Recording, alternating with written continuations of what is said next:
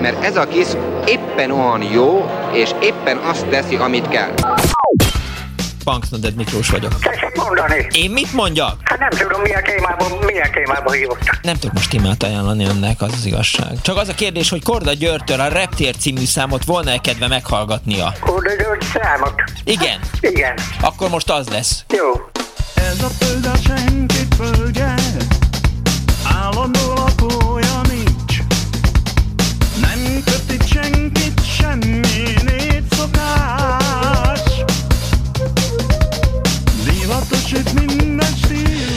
Dániel nyilván azt szeretné, hogy a refrénig menjünk el, hiszen minden normális zenei rádióban az első refrénig el kell menni, de hát eh, na jó, legyen akkor.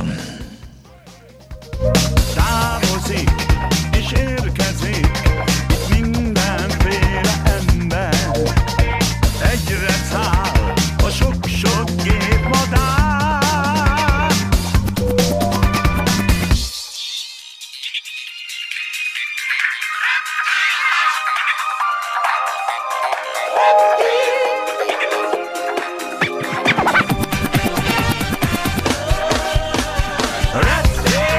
napot kívánok a kedves hallgatóknak! Ez itt a Klubrádió, benne az Annó Budapest, az önök alázatos narrátorával, a Punksnodded Miklóssal, mint gondolhatják, és ki is találták. Ma a Ferihegy repülőtérrel szeretnénk foglalkozni a délutáni műsorban.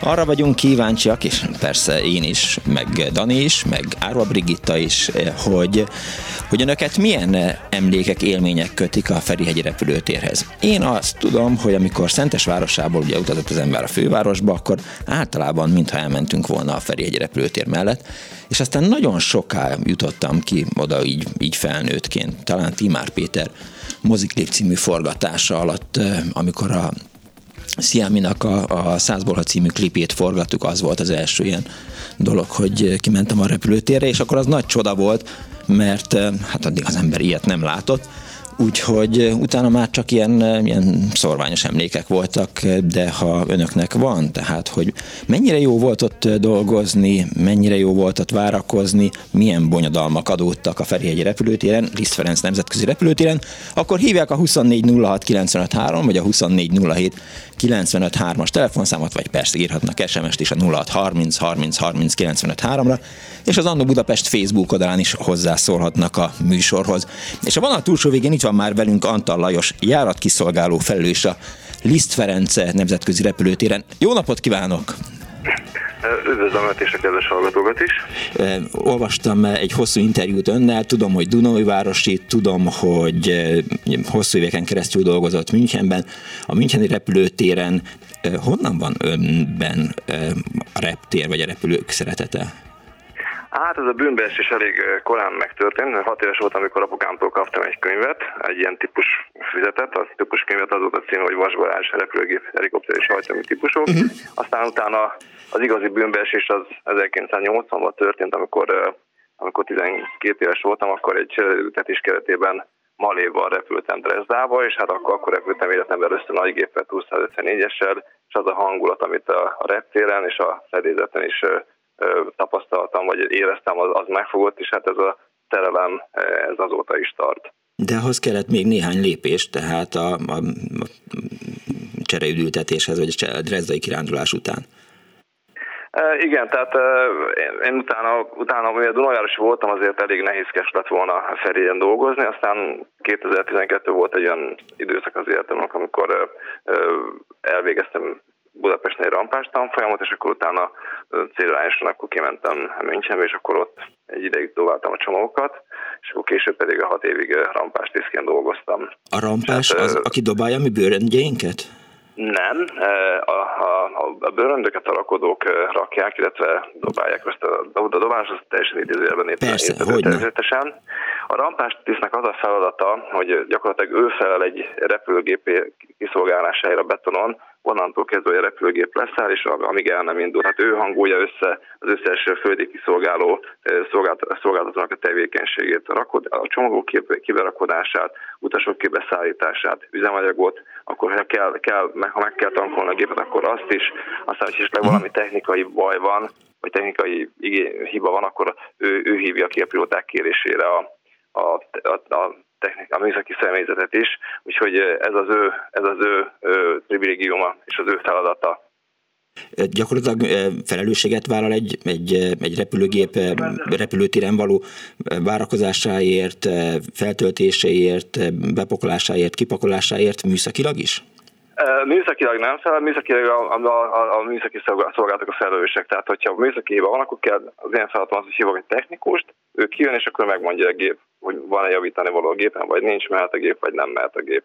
És akkor amikor minden tevékenység kész van, akkor még a pushback asszisztálásnál is van feladat a rampásnak, gyakorlatilag ő, ő segítségével tolják ki gépet a guruló útra, és indítják útjára. Ami egyébként a pushback egy nagyon szép tevékenység, sok rampásnak az egyik kedvenc foglalatossága. Ja, ő állotta azzal a táblával, vagy, vagy tárcsával, és integet a, a gépnek? Nem, hogy e, nem, az a marshaller, a marshaller, uh-huh. aki, aki a gép beállásakor segít a pilótáknak, hogy hol állja meg a gép, és ő, az ő utasításait, ő kézjelnek megfelelő utasításokat kell követni a pilótáknak a beálláskor. Ön hogy nem süketült meg a, a repülőgépek mellett?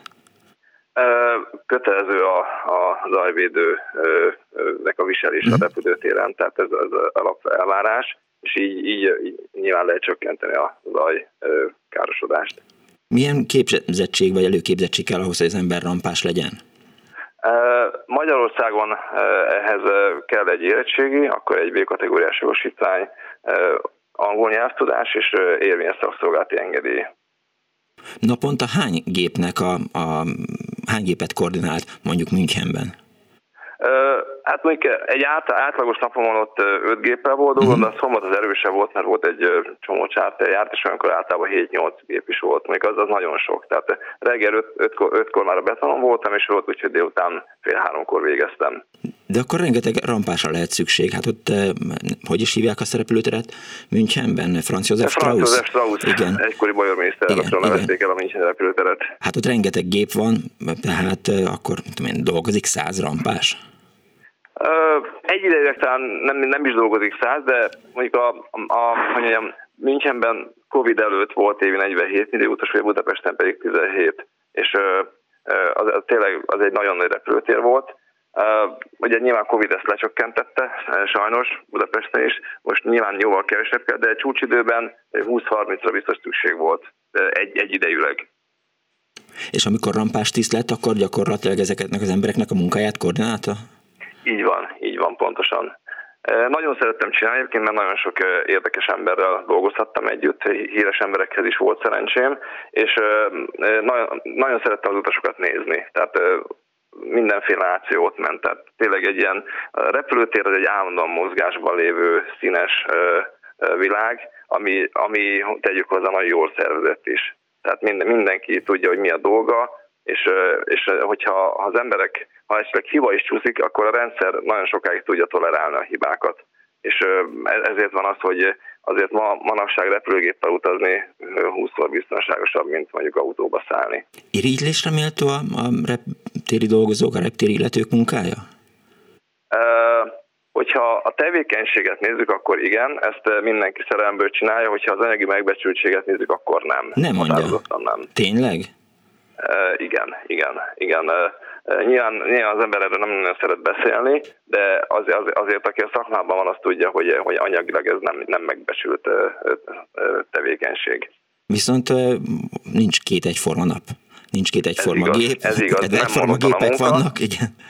És tényleg például, amikor az ember közelről látja az amerikai Air Force One-t, vagy a az orosz külügyminiszteri gépet, vagy lehetne sorolni, akkor, akkor az úgy azt mondja, hogy ez igen. És már hát, ha jól értem, akkor ön abban a szerencsében részesült, hogy ezeket láthatta. Igen, igen, tehát annak idején nekem volt szerencsém az orosz állami 96-os fedélzetére is belépni, mert dolgom volt vele, meg, meg tényleg hatalmas orosz rusztánokon is volt dolgom annak idén, amik árut hoztak, meg vittek Münchenből, úgyhogy tényleg ezek olyan élmények, amit, amit az ember, az ember szívesen beszél, meg szívesen emlékezik vissza. Amikor leszáll egy gép, akkor oda tolják a, a, a lépcsőt hozzá, vagy most már nem tolják oda, mert hogy, hogy másmilyen beszállási módszerek vannak. Most is tolják most is tolják? tehát uh-huh. a, mind a kettő lehetséges. Értem. Szóval, hogy akkor ön elsőként így felszáll a gépre, beszél a kapitánnyal, vagy mi történik? Amikor bejön a gép, akkor az első az, hogy mielőtt bejön a gép, csinálok egy úgynevezett fotocseket, aminek az a lényeg, hogy megnézem a beton, hogy van idegen tárgy. Hogyha van, akkor ezt összeszedem és beteszem egy gyűjtedénybe, utána bejön a gép, és amikor kiasztanak az úgynevezett összeütközés gátló lámpák, ez egy villogó lámpa, akkor engedélyt adok a rakodóknak, meg az szolgáltatónak, hogy megközelítik a gépet, és amikor ez is megvan, és akkor körbejárom, hogy nincs a sérülés a gépen, hogyha nincs sérülés, akkor azt megjegyzem, ha van, akkor azt jelzem a pilótáknak. Uh-huh. Ez a felelősség megállapítás szempontjából fontos, és utána tolják oda a géphez a lépcsőket, vagy pedig az utasidat, és amikor ez megvan, akkor, akkor, akkor utaskísérők kinyitják a géphajtáját, utasok kiszállnak, és amikor kiszálltak, akkor, akkor megyek be a pilóta kabinba, a pilótákkal megbeszélni a legszükségesebb dolgokat, hány utas várható, van-e különleges utas, akkor van-e, van-e mennyi üzemanyagot kérnek például visszaútra, akkor van-e műszaki problémájuk, ha esetleg vannak, akkor, akkor azt is jelzik. És minden tevékenységet akkor ott, ott a kokpitban, meg a beszélnek a pilóták, illetve a vezető utas kísérővel, akit egyébként pörszernek hívnak. Ön fiatal ember, nem túl idős, és hát nyilván akkor már a kezdet kezdetétől fogva is gondolom rádióadó, rádióadó vevőn keresztül ment a kommunikáció a műszaki személyzettel, meg mindenkivel, akit utasítania kell ott a gép környékén, nem? Hát korá, van, van, van ez a walkie amit is tornanak ki Budapesten. Münchenben mi mobiltelefont használtunk, mert az kényelmesebb volt, ez a, a pushback az pedig egy headset segítségével megy a, a, a pushback kommunikáció pilótákkal. Voltak rázós pillanatok a, a munkája során, akár Münchenben, akár itt Ferihegyen? Ferihegyen nem vagyok régóta, Münchenben ott voltak, természetesen voltak nehéz járatok, tehát ugye nincs két egyforma járat, és, és azért voltak nagyon megható esetek is, ami a dolognak az emberi oldalát mutatja be. Volt olyan eset, amikor például egy kényszerbeszállt gépet fogadtam, mert az egyik hajtómű elromlott, és akkor azért ott, a, ott láttam a, a fedélzet a tekinteteket. Volt olyan esetem is, amikor utastrosztulét miatt volt kényszerleszállás, akkor jöttek az egészségügyi szolgálatok. Hát voltak ilyen, ilyen esetek is bőven, de ilyen nagy számuk törvény alapján ez bekövetkezhet. Vagy például, amikor egy gép elhunyt egy szájt, mert erre is van példa, az is a szomorú részéhez tartozik. És ha mondjuk az FBI letartóztat valakit, és össze van bilincselve valakivel? Szerencsésnek mondhatom magam, mert ilyen, ilyen példa, ilyet, ilyen esetem nekem nem volt. De olyan eset volt például, hogy a pilóta mondjuk előre szólt nekünk, hogy rendőrt kér a géphez, aztán amikor leszállt a gép, akkor kiderült, hogy azért kér rendőrt, mert mondjuk a magáról megfeledkezett utas mondjuk a WC-ben rágyújtott, és az ugye szigorúan tilos a feliraton, a füstjelző meg bejelzett. Tehát büntetlenül nem szabad ilyen dolgokat csinálni. Mi lett volna a karrierének következő állomása, vagy mi lett a karrierének következő állomása, és miért nem lett nőmből pilóta? a pilótaságodán ki volt zárom, mert egyszerűen gyereke voltam szüleimnek, vagy vagyok, még most is szerencsére, és uh, nyilván ők fiatal, nagyon korán értésem adták, hogy ez nem megy, úgyhogy tulajdonképpen én viszonylag idős 40 felett tudtam erre a pályára menni, mert előtte nem, nem úgy alakult az életem, hogy ezzel foglalkozok, aztán volt egy szakasz, amikor, amikor úgy gondoltam, hogy akkor most ezzel kell foglalkozni. Még előtte sokat maketteztem, aztán fotóztam, videóztam, tehát minden olyan, minden olyan dolgot csináltam, ami egyébként így utólag hasznos volt, mert az még a makettezés egy nagyon jó típus ismeret az az embernek. Tehát még egy Airbus viszonylag könnyen meg tudok különböztetni egy Boeing-tól, most minden kicsit kisarkítva a dolgot. Az elmúlt másfél év, vagy tekintsük egyszerűen csak pandémiának, az milyen volt az ön számára? Hát ezek gépek nem nagyon repültek, nem sok dolga lehetett. Ugye én tavaly költöztem az a Németországból, uh-huh. ezért pandémiába beleesett, és ami, ami sokkol, amit sokkoló volt látni Németországban, az, hogy, hogy egyik napról a másikra állt le az egész légiforgalom. Tehát tavaly február végén hazajöttem egy két hétes szabadságra, és akkor visszamentem, akkor azt, azt láttam, egyszerűen repülőgépek tömke van a repülőtére le, lekonzerválva, utas nincs, járat nincs, akkor volt két olyan hónap, amikor egyetlen egy napra sem hívtak be a repülőtérre, ilyen kis ott az alapfizetésnek a 67%-át kaptuk, ami, ami nagyon kevés a német mércével. Nyilván Németországban mások a fizetések, mint itthon, de hozzáteszem azt a költségek is mások. Tehát, és az, az, az úgy sokkoló volt, hogy az ember nem, nem lehetett bemenni dolgozni, és amikor az ember bement dolgozni, akkor egy nap megcsinált egy járatot. Az semmi, igen. És tényleg, tényleg, és a másik ugye, azt talán érdekességére elmondhatom önnek, hogy világszerte kb. 30 millió ember él a légiközlekedésből. Most ugye, beletartoznak a pilóták, a utaskísérők, a különféle szolgálatok, ez, ez nagyon sok, és ebből, ebből a 30 millióból nagyon sokan vesztették el az állásukat, Igen. vagy pedig, ha nem is vesztették el, kényszerültek fizetés nélkül szabadságra, vagy, vagy, pedig, vagy pedig csökkentett fizetéssel vannak állományban. Volt egy kérdésem, hogy, hogy előtt még milyen karrier áll, tehát rampás tiszt után mi lehet még önből? Most a, a helyzet az, hogy amikor én hazajöttem, akkor nyilván a pandémia tartott, és én most igazából főállásban tanárként dolgozom, uh-huh. mert az az eredeti végzettségem, és, és tulajdonképpen születve jöttem el Budapestre dolgozni, azt, és hogyha ki, nyilván a jövőben adódna lehetőség, akkor feltétlenül még visszajönnék erre a pára, azt majd, majd, majd, majd elválik. Erre most én nem lehet konkrétan Értem. válaszolni. Uh-huh. Mi volt a legemlékezetesebb kalandja? Akár Münchenben, akár más repülőtéren? Hát, ha megengedi, talán az egyik legemberibbet elmondom Jó. ennek. Egyszer ment egy, a légitársaság neve elhangozhat, nem számít reklámnak, remélem, ugye? Persze. Igen.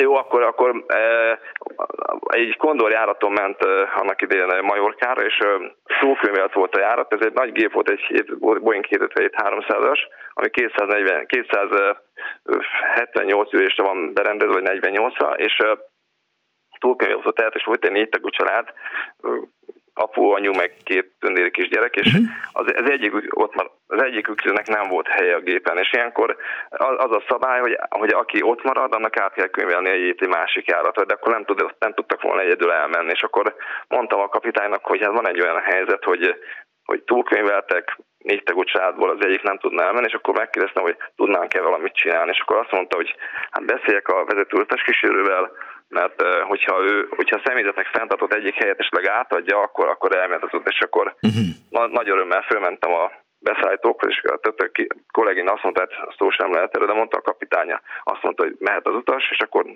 akkor végig is a, vége az lett a dolognak, hogy kiállított egy beszállókágyat, és minden ilyen el tudtak menni. A kislány másik, de nagyon boldog volt, mikor a kiderült, végig is együtt egy géppel tudnak elmenni. Ez, ez nagyon emberi volt, és azt láttam, hogy például ahol profik dolgoznak, ott, ott minden arról szól, hogy az utas biztonságban és időben el tud jutni A-ból B-be, és, és ezt, ezt úgy, úgy jó volt ezt megtapasztalnom. Nagyon szépen köszönöm, hogy elmesélte ezt, és hogy itt volt velünk. Antal Lajos, járat kiszolgáló felelős a Liszt Ferenc nemzetközi repülőtéren. Köszönöm, hogy itt volt velünk. Köszönöm szépen, és további szép napot kívánok köszönöm. önnek is. Viszont hallásra. 24 06 95 3, 24 07 95 3, 06 30 30 30 95 3. Lehet, hogy lesz olyan betelefonáló, aki azt mondja, hogy hát az ő családja volt az, aki nem fért volna fel a gépre. De itt van egy hallgató. Jó napot kívánok! Szervusz Miklós, én Füzes Gábor vagyok. Szevasz! Úgyis, mint Gábor Bá. Szevasz! Amíg emlékszel rá. Hogyne, persze. Kérlek szépen, én talán a 61-ben vagy 62-ben jutottam el először a repülőtérre, amikor úttörőként, te lehet, hogy kisdobosként még, spontán arra járva fogadtuk, fogadtam Vladislav Gomulka elvtársat, a Lengyel Egyesült Munkáspárt főtitkárat, vagy első titkárat, ezt nem tudom. Sőt, mint meg is simogatta a fejemet. Ekkor jutottam először a és sőt egyenesen a betonra. Akkor te voltál az, aki integetett a kis nyakkendőjével? Lehet, nem, nem, nem tudom, de igazából nagyon zavarba voltam. Uh-huh. Hát, hát túl, nagyon közel jött hozzánk. És hát ott volt Kázár is. Eltárs is. E, aztán másnap is találkoztunk, igaz, hogy én fönn voltam, a, e, szintén spontán a sportcsarnok felé jártunk, uh-huh.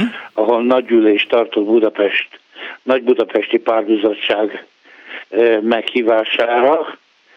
Tehát én ekkor nem kerültünk közel egymáshoz. Azért ez elég jó lehetett így gyerekként kimenni, tehát jó, persze kivezényelnek, meg, meg politikai pedofília minősített esete. Igen, hát ez nem, nem, de mellesleg élveztük. Hát busz, busz jött értünk, még farmotoros Ikarusz, azt hiszem, hogy kivették a forgalomból is, csak miattunk.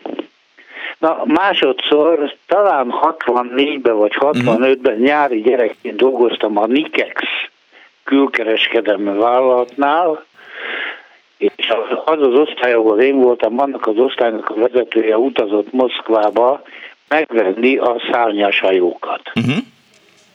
És megjutalmazott azzal, hogy kikísérhettem vállalati kocsival, kocsiban őt, mert ő kivitt a, a teraszra, nagyon élvezetes látvány volt.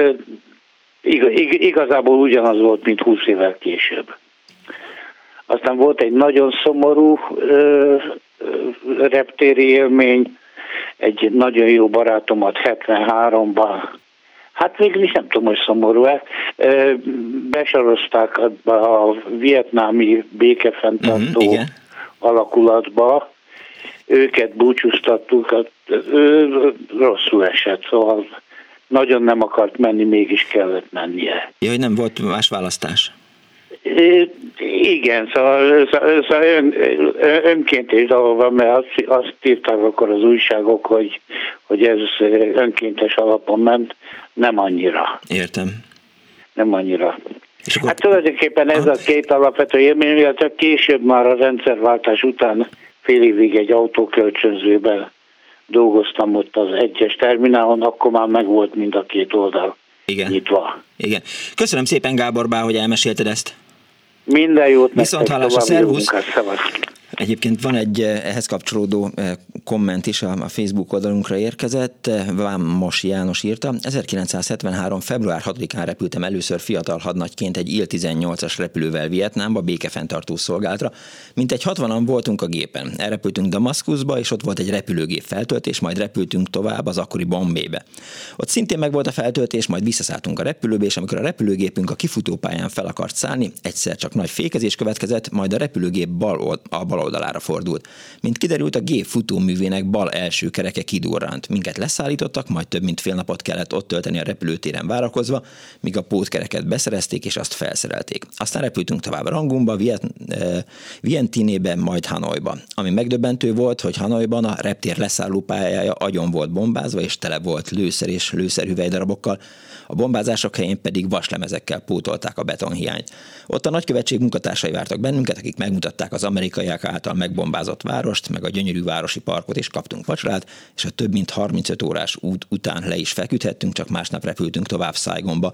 De innen már egy másik történet következne, mert 10 hónapig voltam ott békefenntartó tiszt. Üdvözlettel Vámos János, köszönöm szépen, kedves János. Halló, jó napot kívánok! Jó napot kívánok, én Grossman Zsuzsa vagyok. Kész csók. Több történetem van, de a gyerekeim leállítottak, azt mondták, hogy anya csak kettőt, mert, mert a kevesebb is több. Szóval az egyik az 85-ös, a másik 90-es.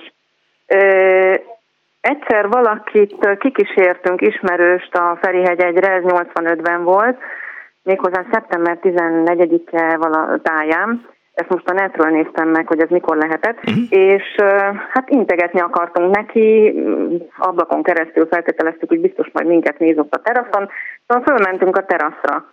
És hát nem volt egy olyan nagy forgalom ezen a repülőtéren, 85-ben mentek, mit tudom én, Varsóba, Szófiába, ilyen helyekre repülők, és a legnagyobb megdöbbenésünkre a terasz tömbetele volt emberrel, de valami iszonyat tömeg volt. Meg dühös is voltam, hogy most tőlük nem látom az ismerősnek a gépét, meg nem tudok integetni. Egyszer csak beúszik a látótérbe a Concord. Úgyhogy megmagyarázta a tömeg a dolgot. Ja, és ugye hát a Concord volt az a nagyon fura madárcsőrű gép. Igen, igen. Az a nagyon hegyes igen.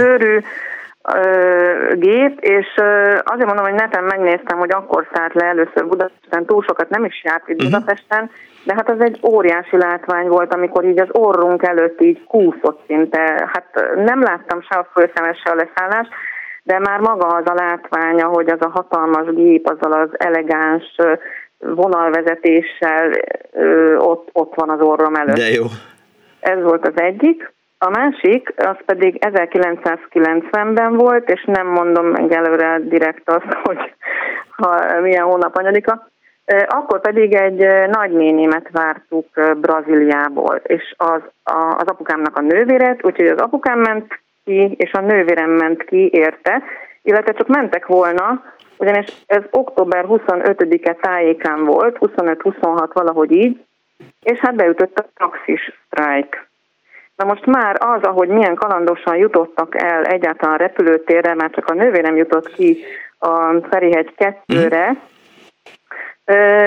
várva ugye a nagynénit, és hát senki, hát nem, hogy nagynéni nem volt, egy darab utas nem volt. És akkor ott megmondták nek, elmesélték, vagy elmondták nekik, hogy, hogy a taxisztrájk miatt az utasokat ilyen belső utakon be, Ferihegyi reptéri buszokkal átszállították a kettőről az egyre, és akkor így néztem, hogy mi a fenének. Hát azért, mert ahhoz viszont már eléggé közel volt a szemeretelepi vasútállomás, és gyakorlatilag erre voltak, ez volt az egy megoldás, hogy az utasok valahogyan vonattal, aztán cuccokkal, mindennel valahogy bejussanak a belvárosba. Na de ott se volt az én nagynéném, nem volt sehol, és akkor a család, az apukám meg a nővérem hazaértek, és akkor kiderült, hogy ő már rég ott pihenget. Na, hogy került? hát, na hát hogy került? Hát, hogy kerültél te ide? És kiderült, hogy ő leszállt Feri egy kettőn, ott, ott látott egy férfit, aki hogy téblábolt, olyan bizonytalanul és leszólította, hogy, hogy hát uram nem tudja, hogy hogy lehetne innen bejutni, mert ugye ők már tudták, hogy, hogy itt sztrájk van, meg probléma van. Uh-huh. Azt mondta ez a férfi, hogy de, majd én beviszem magát. Kiderült, hogy ez egy ilyen vállalati sofőr volt, vállalati autóval, aki valakiért kijött, aki nem érkezett meg. Akkor beültette a nagynénit, csomagostól, mindenestől, és földutakon, meg, meg hát ő tudta azért, hogy Budapesten hol lehet közlekedni, földutakon, meg mindenféle érdekes útvonalakat választva eljutottak a Hegedűs Gyula utcába. Még a csomagját is fölsegítette, Úgyhogy amikor, amikor mi találkoztunk vele, akkor egy, egy sztorival többen gazdagodtunk. Ne hagyja, Úgy, hogy, hogy, ne hagyja, hogy terrorizálják igen? önt a gyerekek. Ők legyen, van még legyen egy, három. De az 63-65-ből Jó. körülbelül. Azért is terrorizáltak, meg még a testvérem is terrorizáltak, mert meg, meg kétségbe vonták, hogy ez a történet igaz. Én viszont így emlékszem. Majd Akkor én megmondom, hogy az-e jó. Jó. Ebből élek. Szuper. Ilyen, ilyen 7-8 éves lehettem, tehát ilyen 63-65 kör, egészen pontosan nem tudom, és volt egy másik nagybácsi, a Géza bácsi, akinek a felesége valamikor diszidált, és ő kiment 80 évesen némi angol tudással, kiment meglátogatni a feleségét Amerikába, és amikor jött vissza, akkor mi, az apukám meg az öcsém és én kimentünk érte szintén a Ferihegy egyre, ugye nem is volt más. És az volt az érdekes, hogy fölmentünk akkor is a teraszra, a gyerekeknek az érdekes, és, és gyakorlatilag pont alattunk ment be az épületbe, tehát pár, há, két-három méternyire volt a keze a miénktől, mert, mert a fogadóépületnek ez a, a bejárati része, vagy kijárati része, az pont a, a látogató terasz alatt volt. És idáig stimmel minden, utána viszont kétségbe vonják a testvéreim. Mármint, Én úgy mármint hogy megérkezett a rokon? Nem, az, az, az stimmel, az igen, megérkezett, és én szerintem én arra emlékszem, hogy volt a zsebében valami, és amikor meglátott minket, akkor így földobta nekünk egy ilyen pici kis csomagocska. Uh-huh. Egy, mit tudom, boríték, vagy nem tudom valami. Na ez az, amit ők kétségbe vonnak.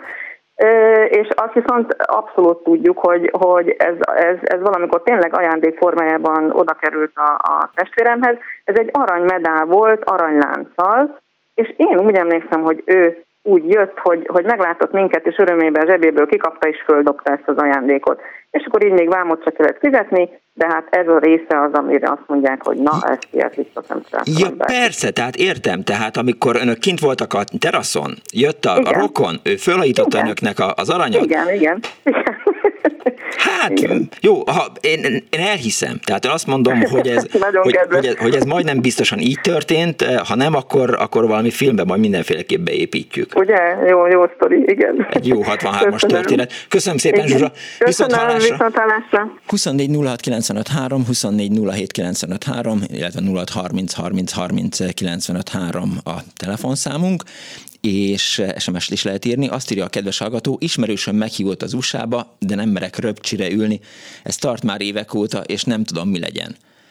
Hát, e, hát igen, igen, tehát nyilván van, van hajó is, de hát az nyilván nagyon drága, szóval nem tudom, hogy mi legyen, nem, most nem tudok ehhez jó ötletet adni. Halló, jó napot kívánok! Jó napot kívánok, tiszteletem Miklós, Szabó László vagyok, és nemrég beszéltünk, amikor a villamosokkal kapcsolatban igen, volt. Igen, emlékszem, adásom. emlékszem, igen, igen, igen, igen. Meg, megpendítette, hogy valamikor lesz olyan, hogy majd akkor ki. Emlékszik még erre a mondására? Melyikre? Hogy egyszer majd ö, Na akkor most itt a repülőtérrel kapcsolatban, ha lehetne, összekapcsolnám ezt a két dolgot. Mindenképp. A ma- magyar repülőtér, ugye akkor még Ferihegy egyet tudunk, az elég régóta a Maszovlet idejétől volt. A legnagyobb fejlesztés a 80-as évek, eh, 70-es évek végén, 80-as évek elején kezdődött. Igen. És ekkor kellett hirtelen nagy mennyiségű ö, polgári repülésben jártas képzett szakemberek.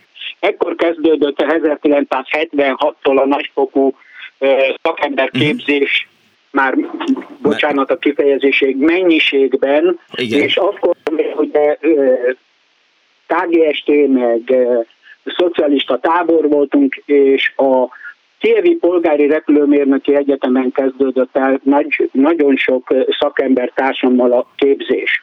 E, Mivel a ö, ICAO, a Nemzetközi Polgári Repülési Szervezet ö, csak olyan szertifikátokat fogadott el és képzést fogadott el, amely ICAO-s engedélyen rendelkező egyetemeken történt. Ez Szovjetunióban Kiev, majd később Riga, és a pilótáknak a polgári repülés térén Aktyubinsk volt.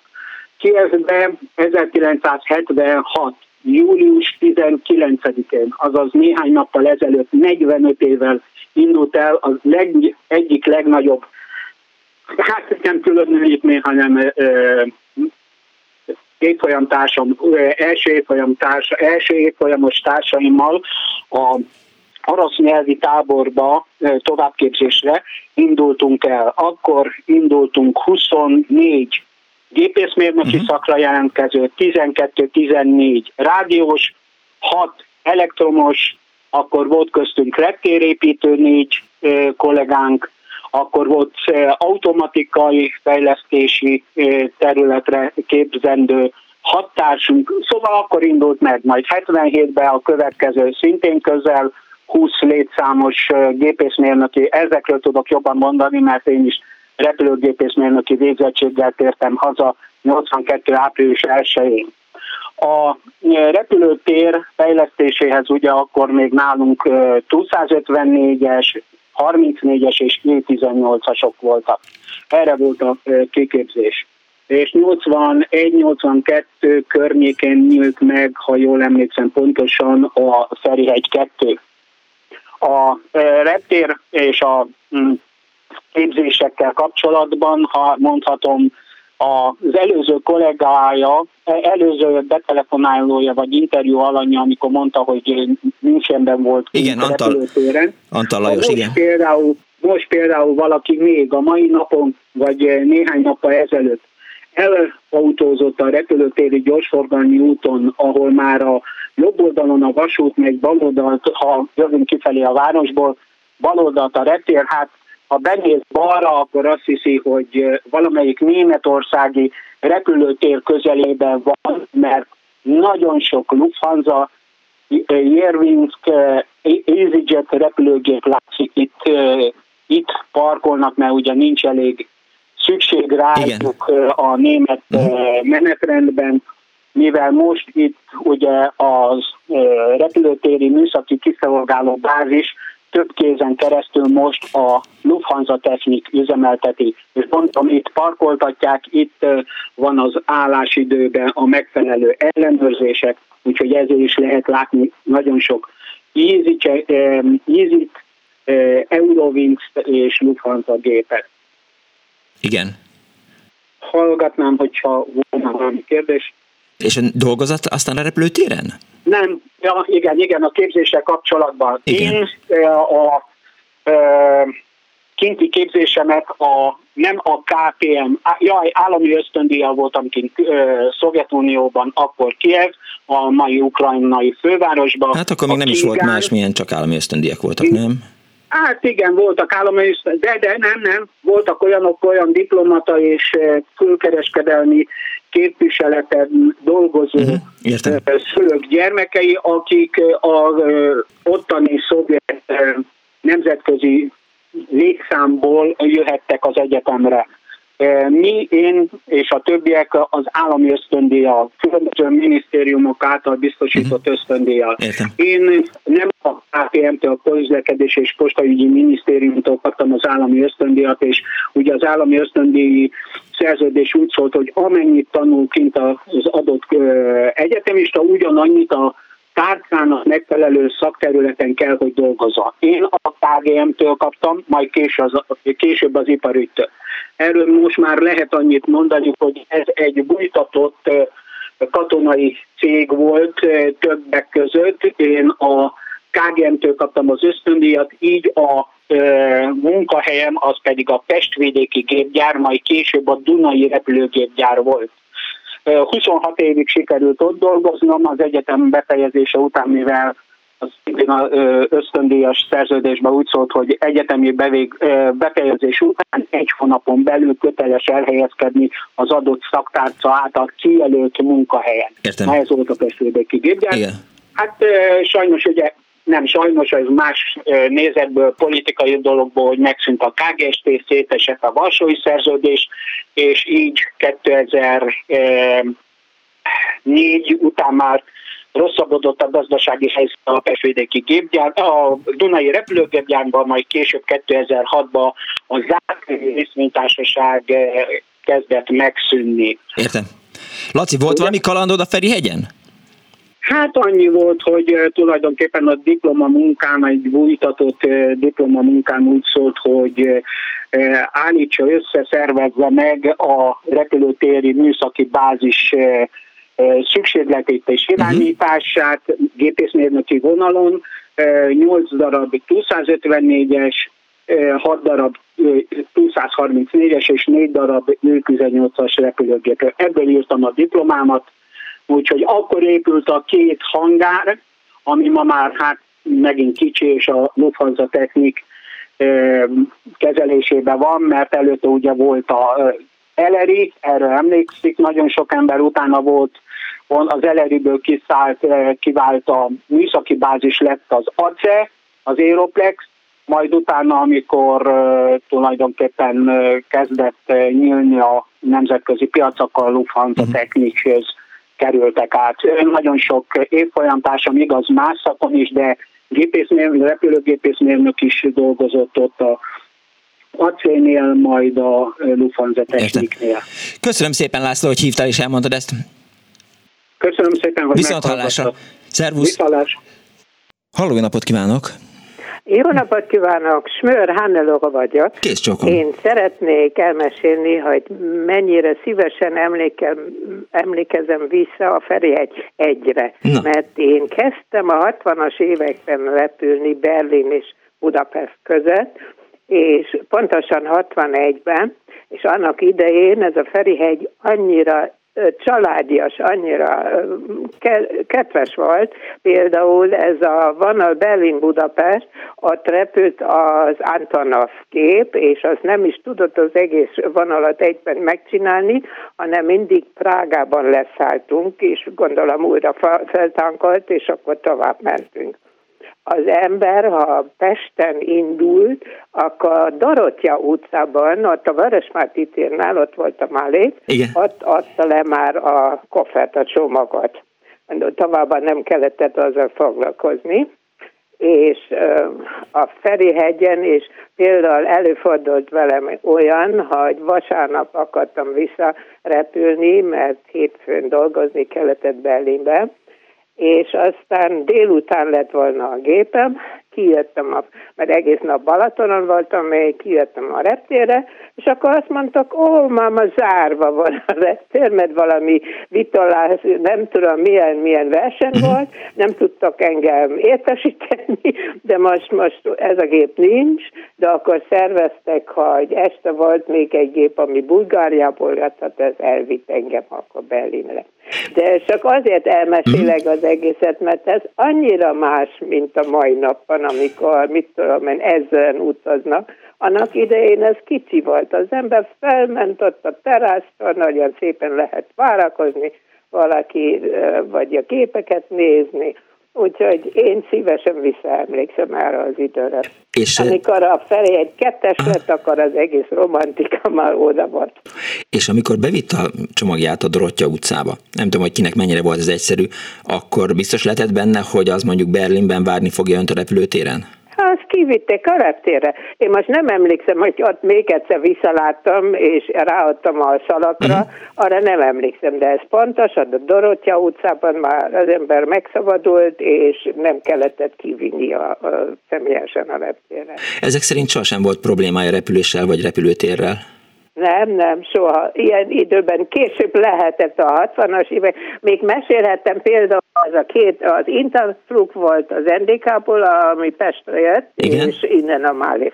Én szívesen repültem a Málébe, mert mindig vörös bort kaptunk, mint egy vagy délelőtt vagy délután, és volt egy olyan, hogy sok török eh, állampolgár is repült azon a gépen, akik Nyugat-Berlinben dolgoztak, és ha volt, eh, mit tudom én, szabadság, és akkor Törökországgal visszamentek, akkor ez volt nekik a legolcsóbb. És egyszer előfordult, hogy az én gépem, és ö, több ö, török állampolgár volt, ö, hiányzott nekik egy egészségügyi valami igazolvány, lehet, hogy oltásozott uh-huh. ő, arra már nem emlékszem, de akkor mondtak a többiek, azt már felszálltunk, a, mi maradhattunk a gépen, ez valami délelőtt volt, és akkor is uh, tálaltak vörös volt még mindenféle nekünk, amikor várakozni kellett a törököket. Úgyhogy ilyesmi, ez, ez egy másik világ volt. Hát igen, néha azt lehet mondani, hogy régen minden jobb volt, és hogy néhány átkossal ezelőtt jobb volt. Köszönöm szépen, hogy hívott. Szívesen, Kész sokan, viszont hallásra. 24 06 95 3, illetve 24 07 95 3, ma ez a telefonszámunk hívjanak és meséljék el reptíri kalandjaikat, vagy írják meg SMS-ben a 06 30 30 30 95 3-ra, vagy az Annó Budapest Facebook oldalára. Azt írja az egyik kedves hallgató, hogy Annó Ibusz jegykiadóként még adtam ki jegyet magyar viszonylatokra, emlékezetem szerint Debrecenbe Debrecenbe, Zalaegerszegre és Szombathelyre üdv el Éva. Még az is lehet, hogy Szeged is volt, mert egyszer, amikor Szeged volt itt az Annó Budapestben, Annó Szeged, akkor az egyik kedves hallgató mesélte, hogy talán érettségire vagy, vagy diplomoszóra azt kapta ajándékba, hogy lerepülhetett Szegedre. Halló, jó napot kívánok! Jó napot kívánok! Kapcsolja ki a rádióját, legyen olyan kedves! Halló? Kész csók. Kikapcsolná a rádiót? Halló? Jó napot kívánok, Brúzsa Magda vagyok. Hát azt szeretném... Kapcsolja ki a rádiót, Magda! Igen, igen, igen. Gyorsan. Köszönöm Halló? szépen. Most Jó, oké. egymást, ugye? Igen. Halló? Hallom, Na, hát azt szeretném mondani, hogy az elején elővettem én a Malév repülőjegyeimet, amikor is én eh, 190 valány forintért repkedtem Szombathelyre, akkor azt tartozott a munkakörömhöz, de aztán most, hogy bejelentkeztem, rájöttem, hogy ez egy természetes dolog, de sokkal érdekesebb az a sztori, amikor, ami velem történt. Én 2000, mikor volt a mondta a Römpö 2006-ban, én mentem volna Görögországba, és kitört a Makariosz balhé az Esztes utazási irodával, és hát be voltam csomagolva, ki volt véve szabadságom. Kétségben voltam esve, hogy mit csináljak. Fölhívtam az Espreszt, és mondom neki, hogy mindegy, hogy hova, csak hadd utazzak valahova, mert hát mehetnékem volt. És aztán megkérdezte az akkori ügyintéző szegény, sajnos már nem él, és megkérdezte tőlem, hogy várjál, megnézem, azt mondja, és azt megszólalt, hogy te Magdi, hát lenne egy hely Montrealban az olimpiára, nem akarsz kimenni? Hát mondom, de nem, hát mindegy, hogy hova, Persze, csak csak menni kell, igen, valahova. igen, igen. És Elinnen. 1976-ban így teljesen véletlenül kimentem a Montreali olimpiára, amit most azért büszkén nézegetek vissza, mert ugye a törvivóknak a, a nyerésén ott voltam a, a fut, focisták és a vízipolósoké.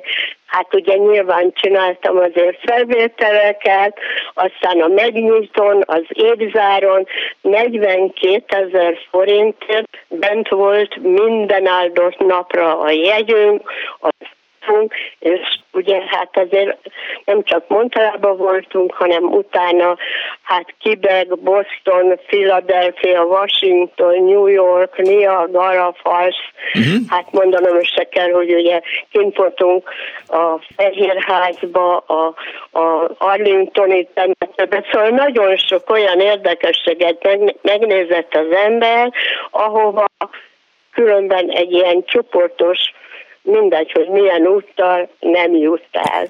De... Most ez volt az életem legnagyobb szerencséje. Kíváncsi vagyok a véleményére. Hát azt gondolom, hogy, hogy egy, egy görög út helyett a Montreali olimpia teljes ellátással, meg jegyel, meg mindennel az egy kicsivel jobb szórakozás volt, vagy, vagy izgalmasabb volt, tehát az csak gratulálni lehet.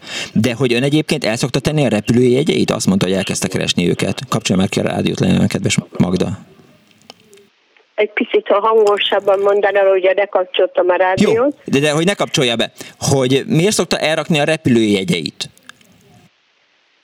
hogy el szoktam rakni a repülőjegyemet, és elárulom magának, hogy nem csak az, hanem nekem, én az eléggé világjáró voltam, és négy útlevelem van, és a magyarországi repülőjegyeket is elraktam, a, amikor még ugye száz valahány na, ezer valahány forintért szombathelyre lepkedtem hetente, mert akkor olyan volt a munkaköröm, de hát a, uh-huh. a határsáv igazolványok, a minden, ami hát abban a korban volt, és kapcsolatban volt, ezek, ezek azért úgy nagyjából megvannak nekem, de sajnos akkor nem gondolta az ember, hogy ugye azért ezek retro dolgok vagy gyerekék, és hát azért, de azért nagyjából megvannak.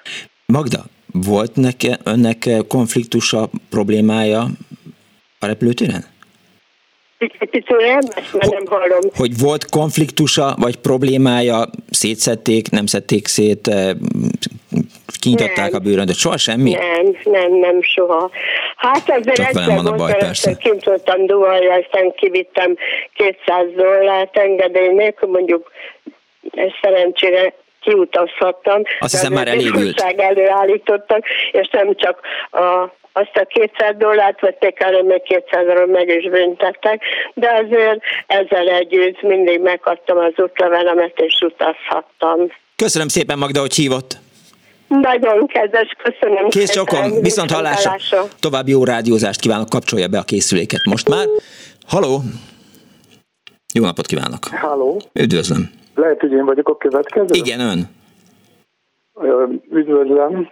Én Dargács József vagyok, és 1969-től 86-ig eh, dolgoztam a repülőtéren, többféle munkakörben. Meséljen. És azt gondoltam, hogy hát ha egy-két olyan aspektust is tudok mondani, ami eddig még nem hangzott el. Meséljen az reptéri életről, hallgatom.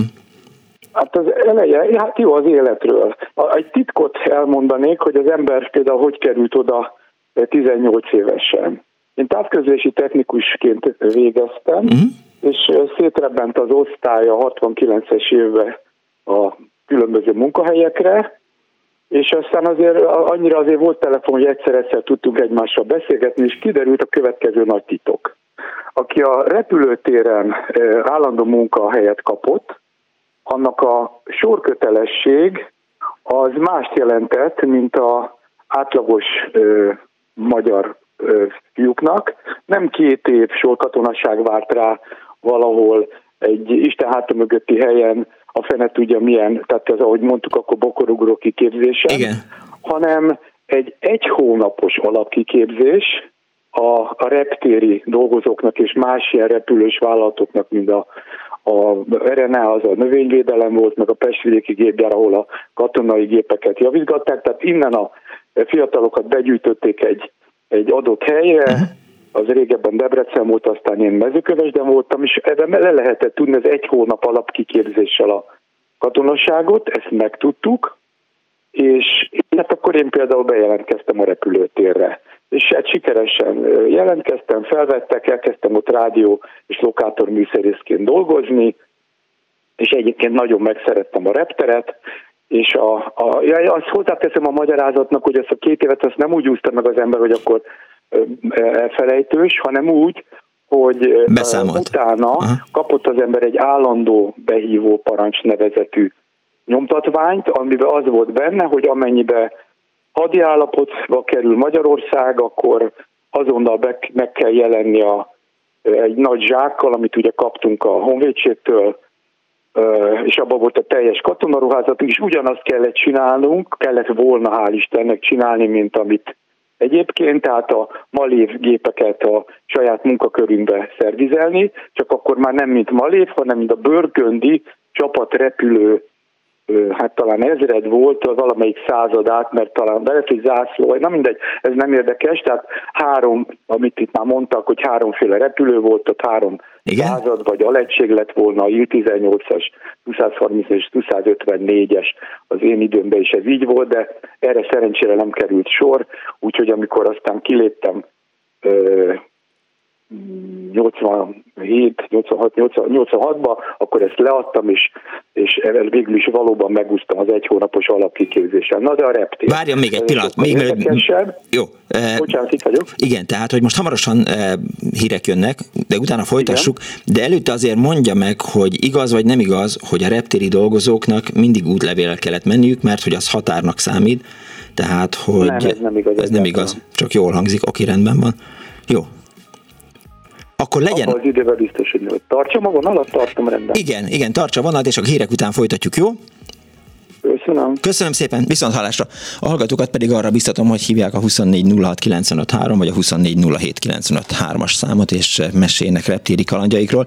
Azt írja az egyik kedves hallgató, Meggi az Annu Budapest Facebook oldalán, hogy elkezdem olvasni, csak meg kell találnom persze, hogy eh, mikor egyszer körülbelül 1980-ban nigériai vendégeket kísértünk az Agrober Agroinvestnél a repülőtére, várakozás közben találkoztunk az egyik kolléga barátjával, eh, aki hipnotizőr volt. 28 éves koromban eltört a jobb karom, és nem, tudtam, nem tudom kinyújtani, mert az ápoló elfelejtett lyukat hagyni a zseb, sebnek, és begyulladt a könyököm, és két napig 40 fokos lázam volt. Ez a hipnotizőr orvos megfogta a karomat, nyomogatta a könyököm belső oldalát, mondta, hogy már lazul, lazul, lazul, és kb. 10 perc alatt 5 centivel kinyújtotta a karomat.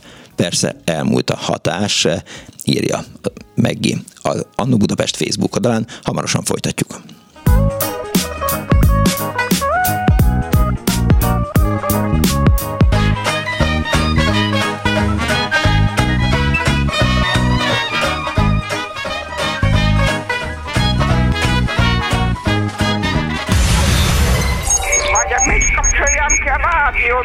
Bocsánat. Jaj, igen, jaj. igen, igen. Elnézést. Jó napot kívánok.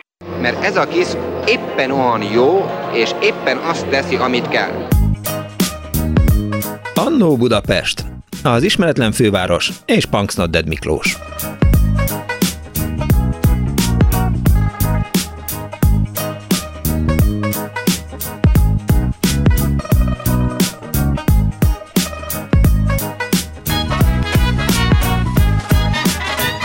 Napot kívánok a most ébredő kedves hallgatóknak! Ez a Klubrádió benne az Annó Budapest az önök alázatos narrátorával, Punks Not Dead Miklóssal. Ismeretlen helyszíneken jár, ma is az Annó Budapest, a Ferihegy repülőtér a célpont. Arról beszélgetünk, hogy kinek milyen emlékei származnak onnan, és a kedves hallgatóba a hírek előtt belefolytottam a szót, mert jöttek a nagyon fontos hírek és e, olimpiai hírek, úgyhogy most ott folytatjuk, hogy e, ha jól számol, akkor nagyjából 20 éven keresztül dolgozott ott a, a repülőtéren? 17. 17. el, és az, az egy külön történet, hogy miért én nagyon megkedveltem, nagyon megszerettem a repülőteret, a repülőgépeket, és uh, teljesen ettől független okok miatt történt aztán az, hogy eljöttem. Uh, mindegy. Felmerült, azt mondtam, hogy én egyébként, mit tudom én, három műsort végig tudnék dumálni a repülőtérről, de nyilván nem ez a cél. Megpróbálok egy-két olyan érdekességet mondani. Talán az érdekes, hogy felmerült egy az előbb azt a Rampa Piszt kollégánál Igen. Egy, egy kérdés, hogy hát hogy ezért nagyon jól lehetett keresni. Igen, én kérdeztem. Én azt el tudom mondani, hogy 69-ben érettségi után én először az Egyesült Izonát kezdtem el dolgozni, és a tudatosan akkor már nagyon okosak voltunk mi 18 éves srácok, és nem, tehát műsz, na, kétkezi állományba kezdtünk el dolgozni, nem, hogy mondjam ezt, hogy irodai állomány, mert technikusként dolgozhatunk volna úgy is, és úgy sikerült 1600 mit tudom, 50 forintért dolgozni egy hónapban, és amikor aztán sikerült elérni a reptéri felvételt, ahogy a, a kató, két éves katonaság megúszása volt az alapcél, ott aztán 1450 forintot most lehet, hogy tízesekbe évedek, ennyit kaptam egy hónapban. Az nem túl komoly pénz. Tart, bocsánat, az nem túl komoly pénz. Ez így van, még 69-ben se volt olyan nagyon komoly, na de aztán az volt, hogy amikor az ember repülőgép típus vizsgált, tehát aki valamilyen érdemi repüléshez közel, közeli munkakörbe volt, akkor, akkor kapta meg a teljes fizetését, hogyha a belső szakvizsgát letette. Az, az, az egyébként érdekes volt, mert ugye, mint, mint mond, beszéltünk már róla, vagy beszéltek már róla többen is, a három típus közül legalább az egyből a műszaki vonalon kellett tenni egy vizsgát. De ez egy normál oktatás volt, beültünk tanterembe, tantárgyak voltak, tehát például a repülőgép sárkány szerkezete, ugye az, az a, a úgy, úgy, úgy hívják, hogy sárkány, az maga az a, a és a, tehát ami, ami a testet kívülről látjuk, amitől repül. És a benne a műszaki berendezések, azok több szakmára fel voltak osztva, úgy, mint a rádiolokátor, vagy az elektromos, akkor a, a, a hajtómű, meg ezek, és ezekből külön kellett vizsgázni. Na most az ember ezt a vizsgát letette, eh, hozzáteszem, hogy ez is egy érdekesség, hogy a négyes, az volt az eredmény. Ha hármas kapott, és volt, aki hármas kapott, uh-huh. meg kettes, nem bukott meg, annak megköszönték szépen a közreműködését, és ha egyébként szimpatikus gyerek volt, akkor felajánlották neki, hogy hát esetleg próbáljon egy irodába valami munkát találni, vagy esetleg ajánlottak is neki, ha tényleg, ha, ha mondjuk volt egy jó rokona, aki ha szerette volna, hogy ott marad, vagy ilyesmi, tehát akkor ezt lehetett, de a repülőgépen csak szakvizsgával lehetett dolgozni. Vagy a repülőgéphez kapcsolódó műszereken.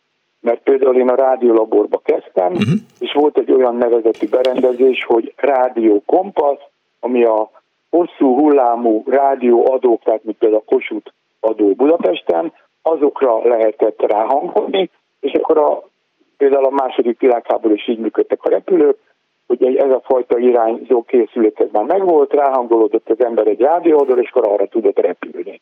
Az, az ugye a, ki lehetett tenni a központi műszere, vagy nem abban nem, nem abban azt szerintem nem, de volt egy, egy műszer, amin a rádió irányt mutatta, és akkor arra tudott repülni a pilóta. Hát ez nagyon érdekes. Na most a, a pénzről, hogy vissza, tehát amikor a szakvizsgát letettem, ugye az talán egy jó bő fél év volt, uh-huh. akkor például 2100 lett az ember fizetése, de ez, ez nem minden, mert azért már jönnek a számok, mert utána jött a 20% minőségi prémium. Ez egy bevezetett műszer. Nem tudom, hogy az irodákban biztos nem volt, de azt nem is tudom, nem kértem sohasem, de a műszaki vonalon ez volt.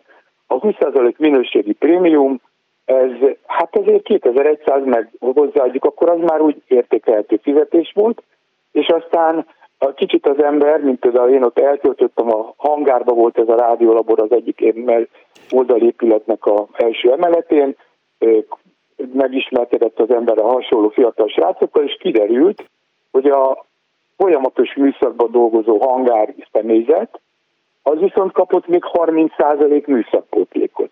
Ez ugye már jól hangzik, mert 30 meg 20 az 50, tehát a 2100 meg 50, akkor már 3000 valamennyi, és aztán az évek alatt még elértem azt, hogy mondjuk a lokátor szakmából külön vizsgát tettem, az plusz 10 százalék, majd amikor a 70-es évek vége felé valamiért, azt nem tudom megmagyarázni, de olyan emberhiány volt, hogy, hogy akkor még önmeós lehetett az ember, ami azt jelentette, hogy kétszeres felelősséget vállalt a munkájáért, egyszer aláírta, mint ö, műszerész, és egyszer aláírta, mint műszaki Mint ellen, műsz, műszaki ellenőr. Aha, értem.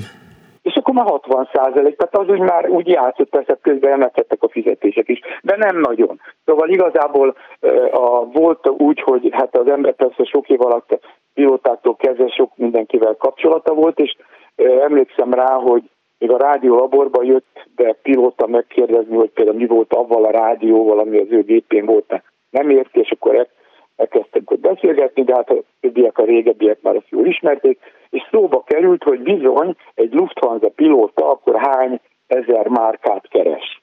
És ő mondta, hogy hát hú, hát ugye ez milyen borzasztó és igazságtalan. és akkor így hallgattuk egy kicsit, aztán mondtuk neki, Hogy mennyit keresnek Hogy- önök, igen.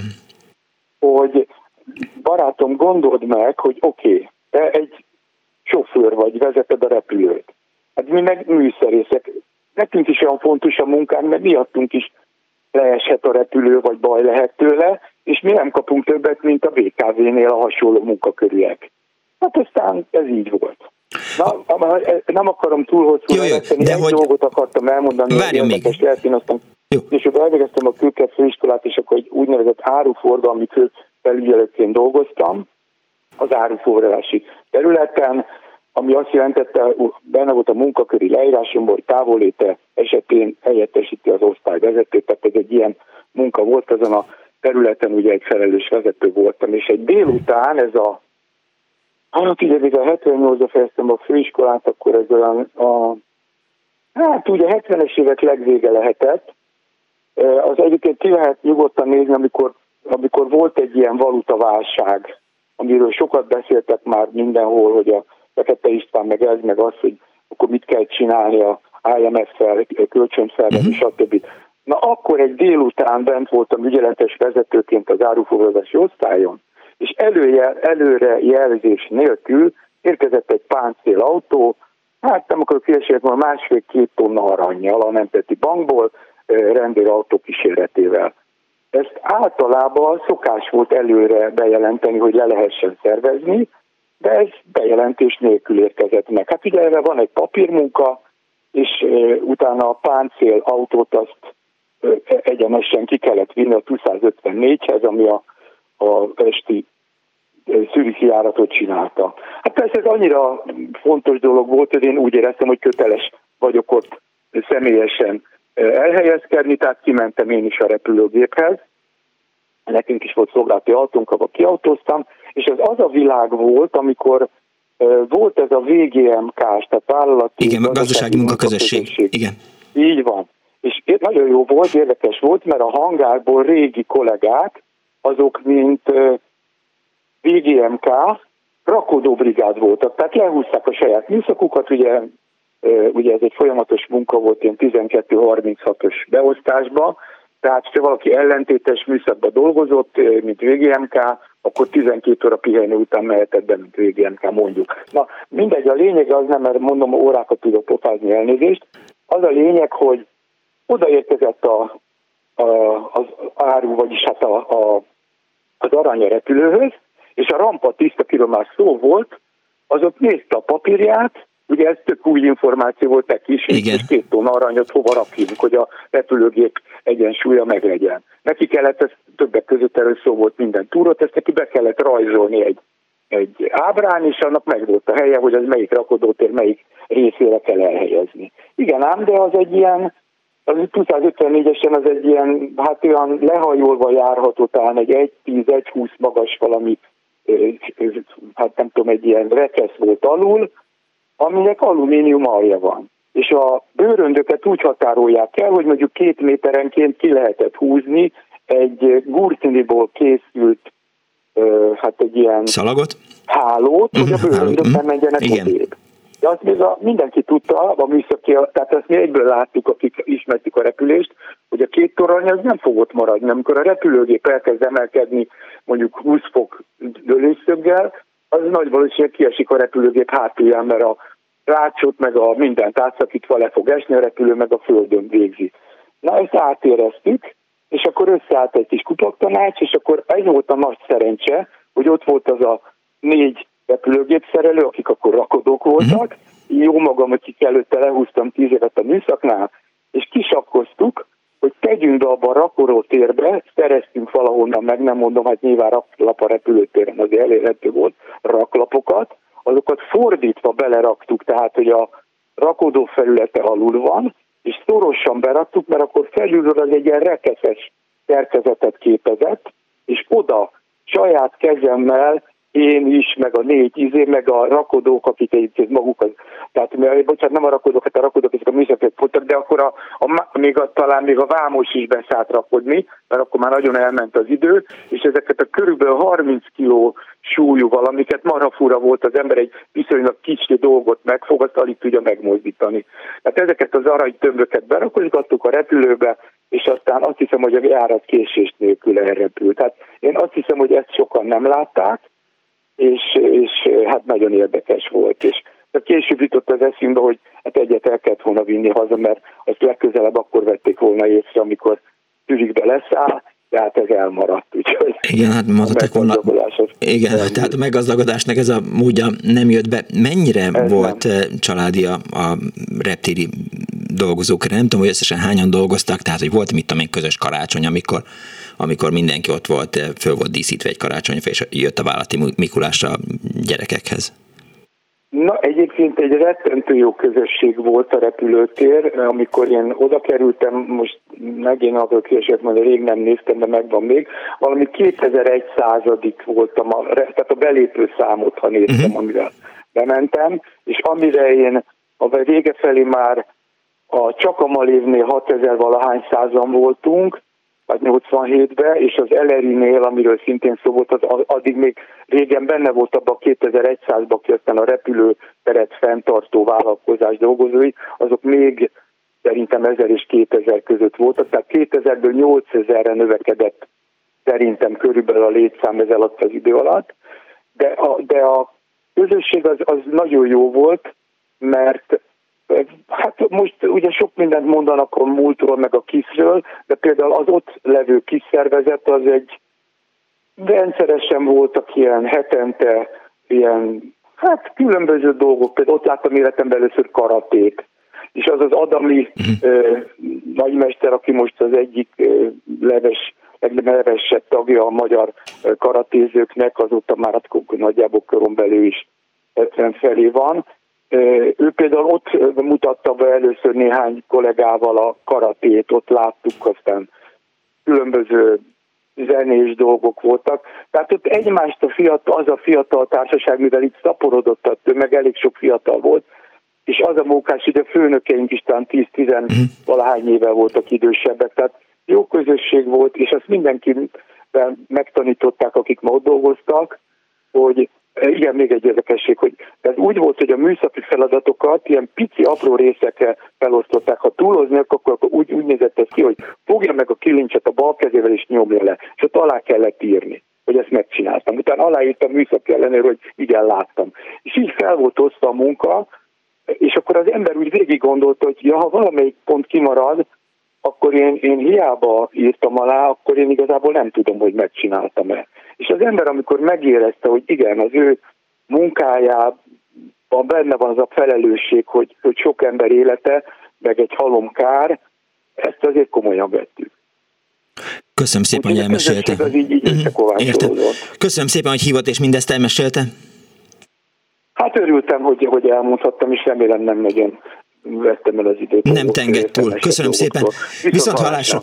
24 illetve 24 a reptéri illetők itt az Annó Budapestben, a Ferihegy repülőtér, a Liszt Ferenc nemzetközi repülőtér az Annó Budapest helyszíne. Jó napot kívánok! A vonal túlsó végén itt van velünk Kránic Balázs. Jó napot kívánok! Jó napot kívánok! Ön hogy került ki először a repülőtérre? Kisebb-nagyobb kanyarokkal. Én gyerekkorom óta eléggé nagy repülésmániás voltam, és ezt a korszakot, amit az imént itt a hallgató révén hallhatunk, én a koromnál fogva nem élhettem meg, viszont itt az Aeroparkban dolgozva, repülőmúzeumban dolgozva olyan kollégákkal együtt, akik a 70-es évek óta folyamatosan repültek a Malévnél, folyamatosan dolgoztak a repülőtéren folyamatosan hallgatom, és most már hivatásszerűen gyűjtöm ezeket a történeteket, hiszen az Aeroparknak van egy YouTube csatornája, és részben ilyen ferihegyi történeteket dolgozunk föl, részben bepillantást engedünk a repülési jelenébe. A kérdésre válaszolva én úgy kerültem ide, hogy nagy repülés rajongó voltam, és 20 év újságírást követően az eredeti szakmámnak búcsút intettem, és 7 évvel ezelőtt úgy döntöttem, hogy akkor megpróbálkozom azon a helyszínen, elhelyezkedni, és hát a napokat gyakorlatilag minden napot kiélvezni, úgy, mint egy gyerek a játszótéren. De jó. Úgyhogy most mind a mai napig az elmúlt hét évből úgy jövök én ide ki, vagy a repülőtérre, vagy az aeroparkba, mint amikor tényleg a gyereket viszik a játszótérre, hol kint, hol bent. Ugye eleve maga a történelem, ami itt a repülőmúzeumban található, hiszen a Malév, 66 éves Malév múltnak egy elég komoly szelete látható itt nálunk, az IL-18-as, az IL-14-es, a Jak 40-es, a Likettes repülőgép, vagy hogy a legikonikusabbakról beszéljünk, a 234-es, meg a 254-es utóbbi a nagyvas volt, annak idején a 2000-es évek elejéig. A másik, amikor meg ugye csináljuk a repterlátogatás programokat, maléves Ikarusz autóbuszokról, gyönyörű Ikaruszokról van szó, akkor pedig a jelent mutatjuk meg a látogatóknak, és próbáljuk ezt a titokzatos fátlat lerántani a valóságról, mert hogy az a tapasztalatunk éves szinten 30-40 ezer embert viszünk be a repülőtér kulisszái mögé, hogy egy rózsaszín köd veszi körbe ezt a világot, hogy itt mindenki azt gondolja, hogy minden ponton a csoda, a magic valósul meg, holott a valóság annál sokkal, de sokkal puritánabb, és ezt a valóságot próbáljuk mi megmutatni. Azt kérdezi az egyik kedves hallgató a, a Facebookon, hogy a, a napasz, hogy repülnek-e még 154-esek, mert hogy a kedves hallgató bakancs listáján van az, hogy egyszer repülhessen ilyennel. Hát sajnos rossz hírem van, pont a tavalyi évvel csúszott le róla, sőt még az idei év az uh, uh, biztosított volna néhány lehetőséget. Tulajdonképpen a tavalyi év végén Oroszországban is kivonták az utolsó polgári 234-es repülőgépet, ezt még az Arróza nevezetű régi társaság üzemeltette, és idén év elején megtörtént ez a 254-essel is. Maga a típus egy-két helyen még repül Oroszországon belül, de leginkább már katonai alkalmazásban. Én nekem is egyébként megadatott két évvel ezelőtt, hogy egy 234-essel repülhettünk egy szervezett program keretében Vnukovóról Zsukovszkira, és ez volt az a VIP 254-es, amivel egyébként az orosz űrhajósokat szokták Bajkonurba szállítani, de valami egészen elképesztő élmény volt. És hát azért polgári forgalomban, és most a polgári, tehát nagyon idézőjelbe téve értem, Észak-Koreában még vannak forgalomban az Air Koreónál ilyen repülőgépek, de nem túlságosan könnyű és olcsó dolog hozzájuk jutni. Még egy kérdés, azt írja az egyik hallgató, hogy a Ferihegy egy és a reptér rengeteg filmben szerepel, mint helyszín.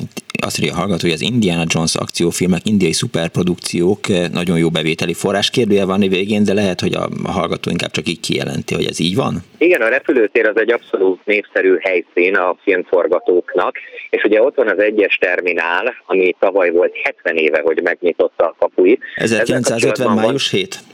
1950 május 7, pontosan így van, és ugye hát egy repülőgép formájú csodálatos épületről van szó, ami felülnézetből adja ki a repülőgép Igen. formát, ifjabb Dávid Károly fantasztikus alkotása, ahol a két torony elképezi a hajtóműveket, a motorokat a repülőgépen. Ugye, bocsánat, ugye, bocsánat hogy felbeszakítom, ugye, hogy Dávid Károly még 1930, nem, nem, mert hogy 37-38-ban szentesi kubikosok voltak a Ferihegyen, és próbálták elsimítani a talajt, onnan Csongrád megyéből hozták fel a kubikosokat, és aztán 38-39-ben már elkezdődött talán eh, az építkezés, ha jól olvastam azokat a cikkeket, amik, van, e- amik ekkor keletkeztek. Ki azt Igen. a az új repülőtérre, amin ifjabb Dávid Károly győzedelmeskedett, uh-huh. az ő terve vitte el a pálmát, és hát már sokkal korábban szerették volna valóban megnyitni a csodálatos egyes terminált. Csak a háború. Csak közben szólt a második világháború pontosan. Igen.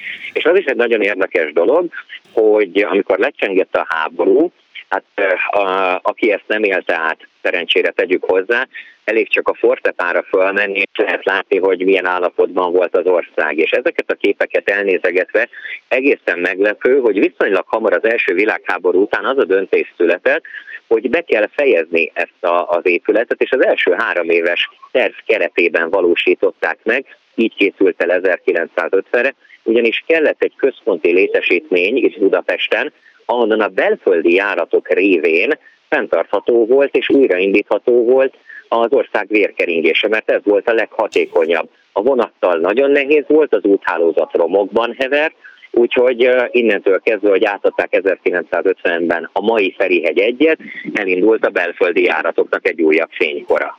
Amikor azt mondja, hogy, hogy évi 30 ezer látogató nézi meg, ha jól értettem az előbb a számot, remélem, hogy nem felejtettem el a repteret, akkor az azt jelenti, és rózsaszín köd az leül, hogy igazából ez ugyanolyan gyár, mint az összes többi? Tehát, hogy nincsen hát rózsaszín köd? Nem, azért, az, ha azt mondjuk, ha a gyár hasonlatot használjuk, akkor a gyárak között is ez egy nagyon-nagyon különleges üzem. Ugye igazából mi azt szoktuk mondani, hogy ez egy 15 négyzetkilométeres önálló kisváros itt a város hm. határában, Budapest szélén. Csak hogy a területet tényleg el lehessen képzelni, 40 kilométer hosszú a kerítés, ami körbeveszi az egész létesítményt, és a két futópálya, ami párhuzamos egymással, de ugye ilyen bajonetrendszerűen el vannak tolva egymáshoz képest, a két pályavég között majdnem 10 kilométer a távolság. És itt minden olyan létesítmény megvan, ami egy átlag kisvárosban is, és itt az előbb a létszámokról volt szó, mint hallottam, most nagyjából körülbelül tízezren élünk ebben a hm. kisvárosban, akik valamilyen szinten, valamilyen feladatkörben működtetik ezt a gépezetet. És nagyon kell működtetni, mert ugye itt nagyon durván időről beszélhetünk, időtényezőről beszélünk, és ez egy olyan iparág, ahol az idő hatványozottan pénz. És ha már a régmúltról volt szó, korábban 70-es, 80-as években ugye a technikai feltételek olyanok voltak, hogy minimum egy, de inkább másfél, adott esetben két órát volt a Földön a repülőgép fordulóidőben két járat teljesítése között, Mára ez úgy néz ki, hogy egy 189 férőhelyes repülőgépet 25 perc alatt meg kell tudni fordítani, és ebbe benne van a kiszállítás, beszállítás, kirakodás, berakodás, tankolás, biztonsági ellenőrzés, takarítás, minden, ami ehhez tartozik, és bizony ezeknek a látogatóknak ezt is megmutatjuk, hogy hogyan néz ki ez a gépezet, hogyan vannak az egyes láncszemek, és kin milyen felelősség van, hogy az a repülőgép időben el tudjon indulni lehetőség szerint késés nélkül. Önnek melyik a legemlékezetesebb reptéri kalandja? Nagyon-nagyon sok volt eh, ezzel kapcsolatban. Itt mindig az az izgalmas, amikor valami eh, váratlan történik, és olyan váratlan, amivel nem biztos, hogy az ember tud valamit kezdeni. Tehát egy repülőtérnek az életét egy pillanat alatt befolyásolja, főleg most ezekben az időszakokban egy hirtelen jövő nyári zivatar, vagy egy front. És olyankor nagyon érdekes látni, hogy ad egy milyen óvintézkedések történnek, ugye, hogyha zivatar alakul ki, villámtevékenység van, csapkodnak a villámok, az első az az, hogy leáll a tankolás és leáll a gépkiszolgálás. Uh-huh. Hiszen a forgalmi előtéren, hát enyhén szólva nem biztonságos olyankor 70 tonnás vasak mellett tartózkodni, Úgyhogy e, hamar elvonulnak ezek az ivatarok, 20-25 perc alatt elvonulnak az ivatarok, de ugye, mint mondtam, 25 perc a gépnek a forduló ideje. És ilyenkor, hogyha résidők vannak, nagyon-nagyon kemény késések tudnak kialakulni, és az eléggé látványos tud lenni, amikor 15-20 járat vesztegel a Földön, hogy megkapja az újabb résidejét.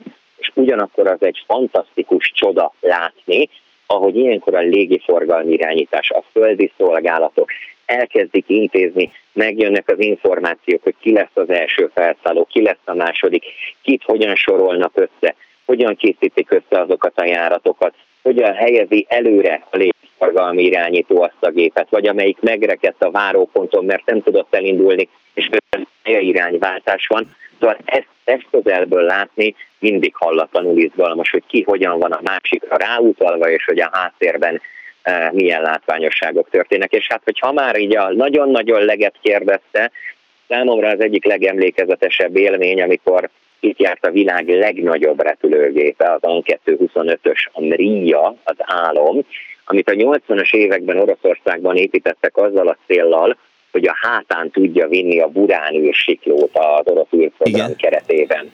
És ebből a gépből többet terveztek, egy valósult meg, mind a mai napig ez az egy példány repül, és ugye ez egy felső szárnyas hathajtóműves monstrum, ami minden, minden alkalommal, amikor kimondom hátborzongató, hogy a maximális felszálló tömeg az ilyen 600 tonna környékén van, és ez a gép, amikor itt volt 2008-ban, akkor a MOL megrendelésére érkezett, és földrengés generátor teherautókat szállított Ománba, nem sokat, 16-ot. És ezt a 16 teherautót elnyelte a repülőgépnek a bendője. Ugye nyitható az orra, van egy nagyon érdekes hidraulikus szerkezet, ezt úgy mondjuk, hogy le tud térdelni a repülőgép, le tudja ereszteni az elejét, kijön egy rampa, és azon keresztül mentek fel a teherautók, és utána ezzel a terheléssel, ahogy a termelő pozícióból visszament eredetibe a repülőgép, forrod zárt és felszállt, a számomra a reptéri karrieremnek az egyik legemlékezetesebb pillanata volt. Csak még így érdekességképpen mondom, hogy ezzel a repülőgépel dízelmozdonyokat, metrókocsikat, helikoptereket szoktak szállítani, és volt már arra is példa, hogy tengerhatjáró volt a fedélzetén. És azok, amikről időnként lehet olvasni, hogy, hogy emberek csak azért állnak, a, említette, hogy 40 kilométernyi kerítés veszi körbe a Ferihegy repülőteret, szóval, hogy emberek állnak és repülőgépeket várnak és figyelnek és fényképeznek a kerítésen kívül, ez egy létező szórakozás vagy hobbi? Ez egy létező szórakozás. Itt két dolog keveredik egyébként. Tehát egyrészt vannak a lelkes érdeklődők, akik mindent megtesznek azért, hogy lássanak repülőgépet, mert tényleg azért az egy fantasztikus dolog, amikor mi is bent vagyunk a látogató csoporttal, most délelőtt és pont az előbb egy fél órával ezelőtt ért véget a délelőtti túrán, uh-huh. amikor ott állunk a gurulóút mellett, és a világ legnagyobb kéthajtóműves repülőgépe a maga 300 tonnájával karnyújtásnyira gurul el előttünk, szinte úgy, hogy a szárnyvég a fejünk fölött van, és azért ilyenkor a technika csodáját, a, a technika uh, fantasztikusságát és ezeknek a gépeknek a méretét, mint az ember a csontjaiban érzi meg az erejét. De ezt ugye meg lehet tenni repülőtéren kívül is, hiszen vannak ma már minden repülőtér, amit, amelyik ad magára valamit, kialakít úgynevezett fotós helyeket, spotter helyeket. Van kettő is ilyen Ferihegyen, uh-huh. az egyik az az úgynevezett Kargódomb, ami az Igló utca végén van, és azért egy magaslati pont, hogy át lehessen látni jól a kerítés fölött a másik pedig az úgynevezett spotter domb, ami pedig vecséssel van nagyjából egy vonalban a kettes pálya mellett, és ugye ide ki tudnak jönni a lelkes érdeklődők repülőket nézni. Viszont van egy külön műfaj, amit spotterkedésnek hívunk, ők a repülőgép fotósok, akik meg lajstromokra vadásznak, és igyekeznek minél több repülőgépet megörökíteni, de nem akárhogyan, mert az igazi spotter ködös, párás, szürke időben nem dolgozik meg vannak határozva ennek a műfajnak a szabályai, Aha. hogy honnan süsse a nap, hogyan legyen fény a repülőgépen. Az igazi vérprofi spotter délben belelő nap idején nem fotóz. Vagy hajnalban, vagy naplementekor.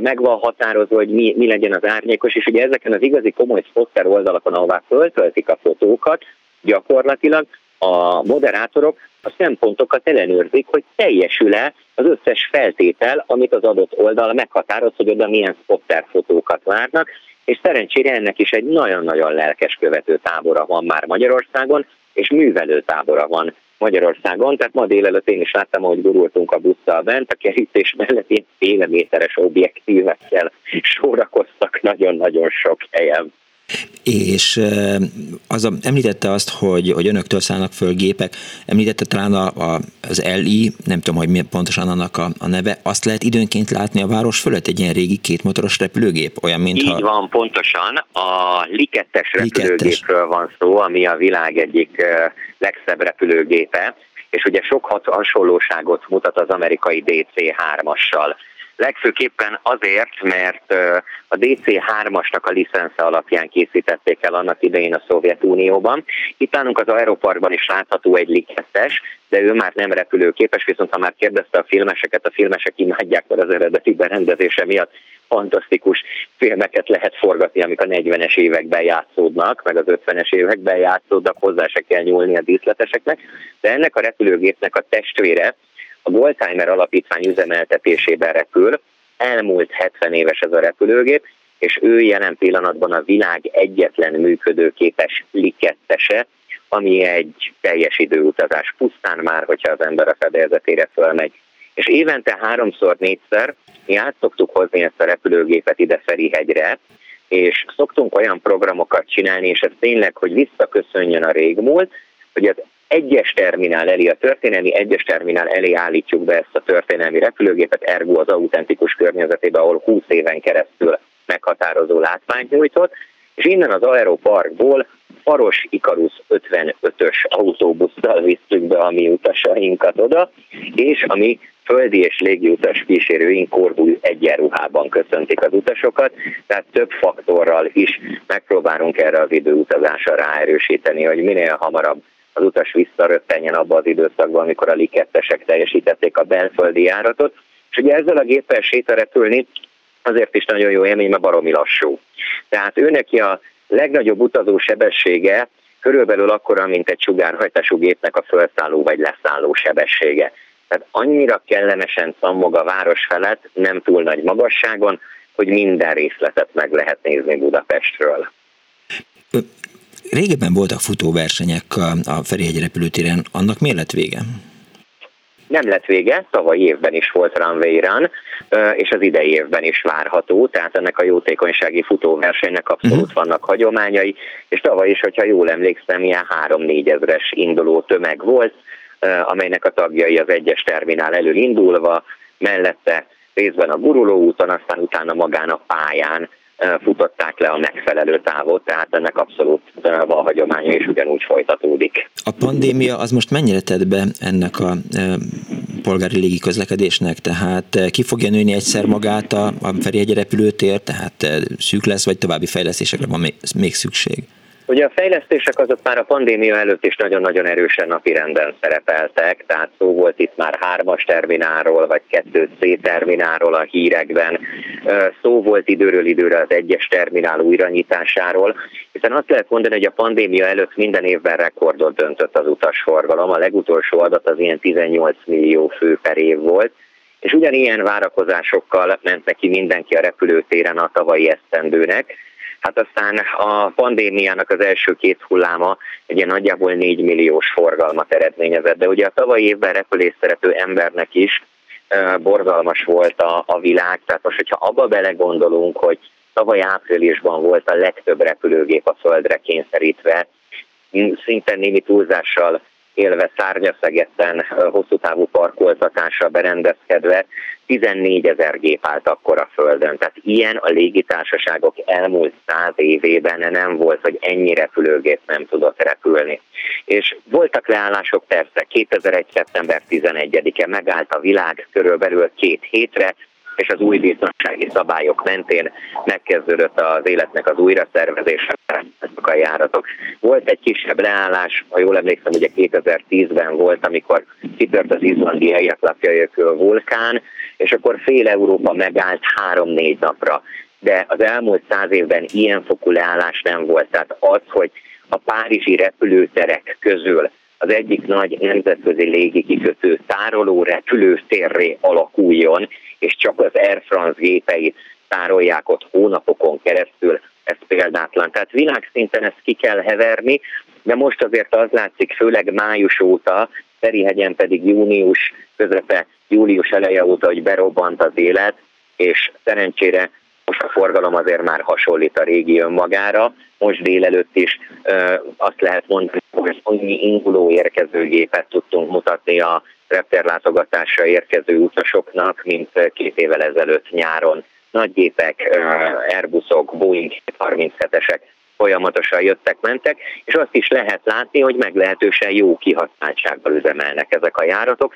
Egyébként a korábbi becslések Hát ugye most becsülni a repülésben amúgy is mindig nagyon nehéz, előre tervezni hosszú távra pláne mindig hatványozottan nehéz, de jelen pillanatban a szakma úgy számol, hogy ezt a 18-19 milliós utasforgalmat itt Budapesten, hát úgy nagyjából egy-két év múlva lehet majd újra elérni. Nagyon szépen köszönöm, hogy itt volt velünk. Kránic Balázs újságíró volt az Annó Budapest vendége, és számolt be a Ferjegyi történésekről. További szép napot kívánok, viszont hallásra! Köszönöm szépen, minden jót kívánok! 24 06 95 3, 24 07 95 3, SMS-ben 06 30 30 30 95 3. Arra biztattam önöket az adás elején, hogy hívjanak és meséljék el történeteiket a Ferihegyi repülőtérről.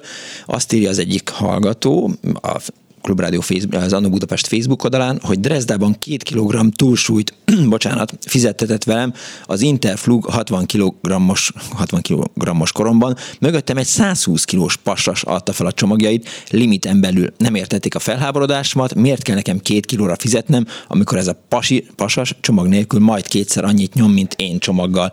Az NDK-s tisztviselő nem értette a szarkazmust, írja a hallgató. Aztán eh, ugye Anna Pasznak válaszoltunk, tehát, hogy a 254-es, mint eh, opció és bakancslistás feladat az egyelőre, hogy is mondjam, távoli, tehát hát Koreába kell menni érte, az derült ki az előbb Kránic Balázs beszámolójából. Érkeztek hallgatói SMS-ek is, azokat megpróbálom megkibogozni. Azt kérdezi a hallgató, csak 300 tonna a világ legnagyobb repülőgépe. Nem tévedés ez? Hát, nem tudom, majd mindjárt megkérem. Dániel, jut eszembe, nem szólaltál meg a mai műsorban. Ez most hogy van?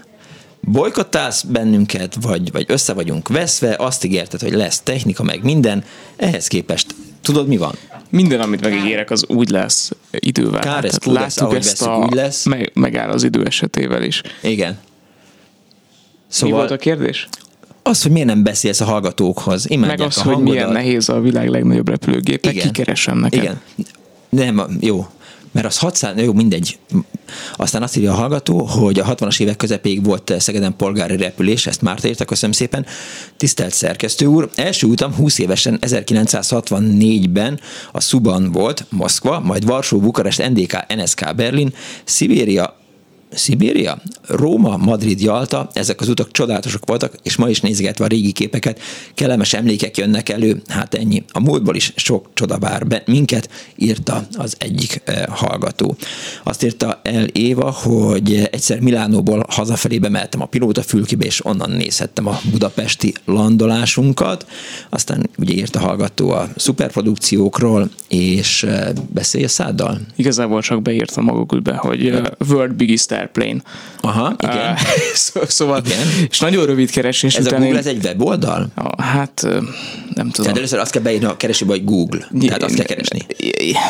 Nyilván szellemi kvalitásaithoz nem fogható, de nem. nekem ez jutott, Igen. és ennek segítségével jutottam el a 710 tonnáig, ami egyébként lehet, hogy fals információ, mert 640 tonnát is találtam. De nem lehet az, hogy miután angolul írtad be, ezért eltérő a szám?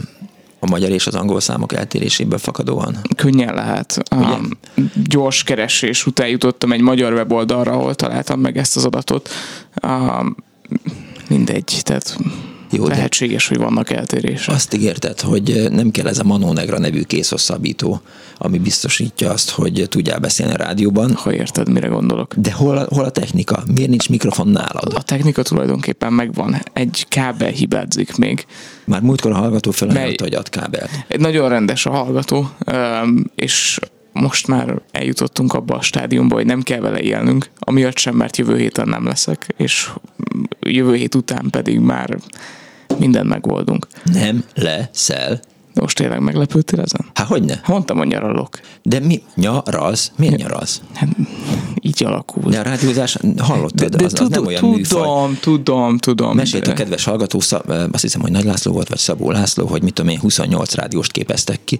A Szovjetunióban kellett volna egy pár ide, mi rádiónkban is arra gondoltam. Ha már Moszkvában van. Halló, napot kívánok! Csak közben Dániel bemegy és megnyomja a gombot. Halló, napot kívánok! Jó, jó napot kívánok, Petkes Nain vagyok, Lyonból. He, Van eh, két sokan. Jó napot! Köszönöm, hogy felkerestek. Öm, nos, a, az én élményem a, a, a repülésre, vagy a, a, a repülőtérrel. Én 2000, ö, ez 20 évesen 1990-ben ültem először repülőre, és akkor, akkor mentem ki legesteg először a Ferihegyre, amikor, amikor egy hónapra kijöttem Franciaországba, hogy megnézzem az egyetemet, ahova járni fogok, és az első alkalom az, az nagyon, nagyon izgató volt, mert a repülés, ugye egyetem, jövő, stb. Tehát akkor nem mértem föl annak a, a, a mértékét, hogy, hogy a következményei, tehát a következő repüléseim teljesen más, másképp fognak zajlani érzelmileg. És történt 2013-ban, hogy haza szerettem volna menni, úgy volt, haza is mentem a két gyermekemmel, hogy otthon, otthon éljük tovább életünket.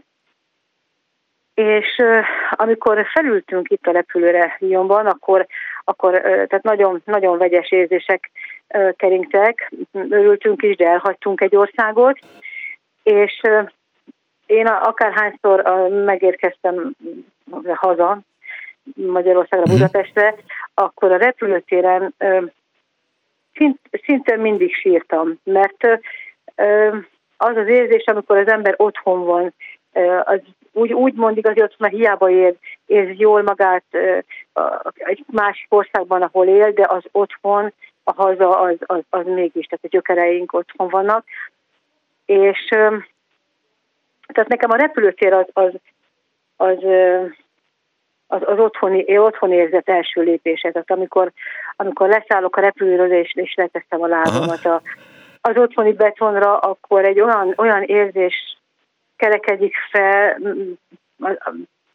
hogy az, az leírhatatlan, tehát azok az érzelmek, azok a, és úgy minden, hogy az, az ember ez úgy úr, az otthon érzet megváltozik, újra új önmaga lesz, a régi, öm, úgyhogy ezek olyan nagyon vegyes, vegyes érzések. Én, számomra a repülés az, az, az mindig ezt, ezt, ezt jelenti, legalábbis a, amikor haza repülök, vagy, vagy, vagy otthonról vissza, mert végül is, végül is nem maradtunk otthon.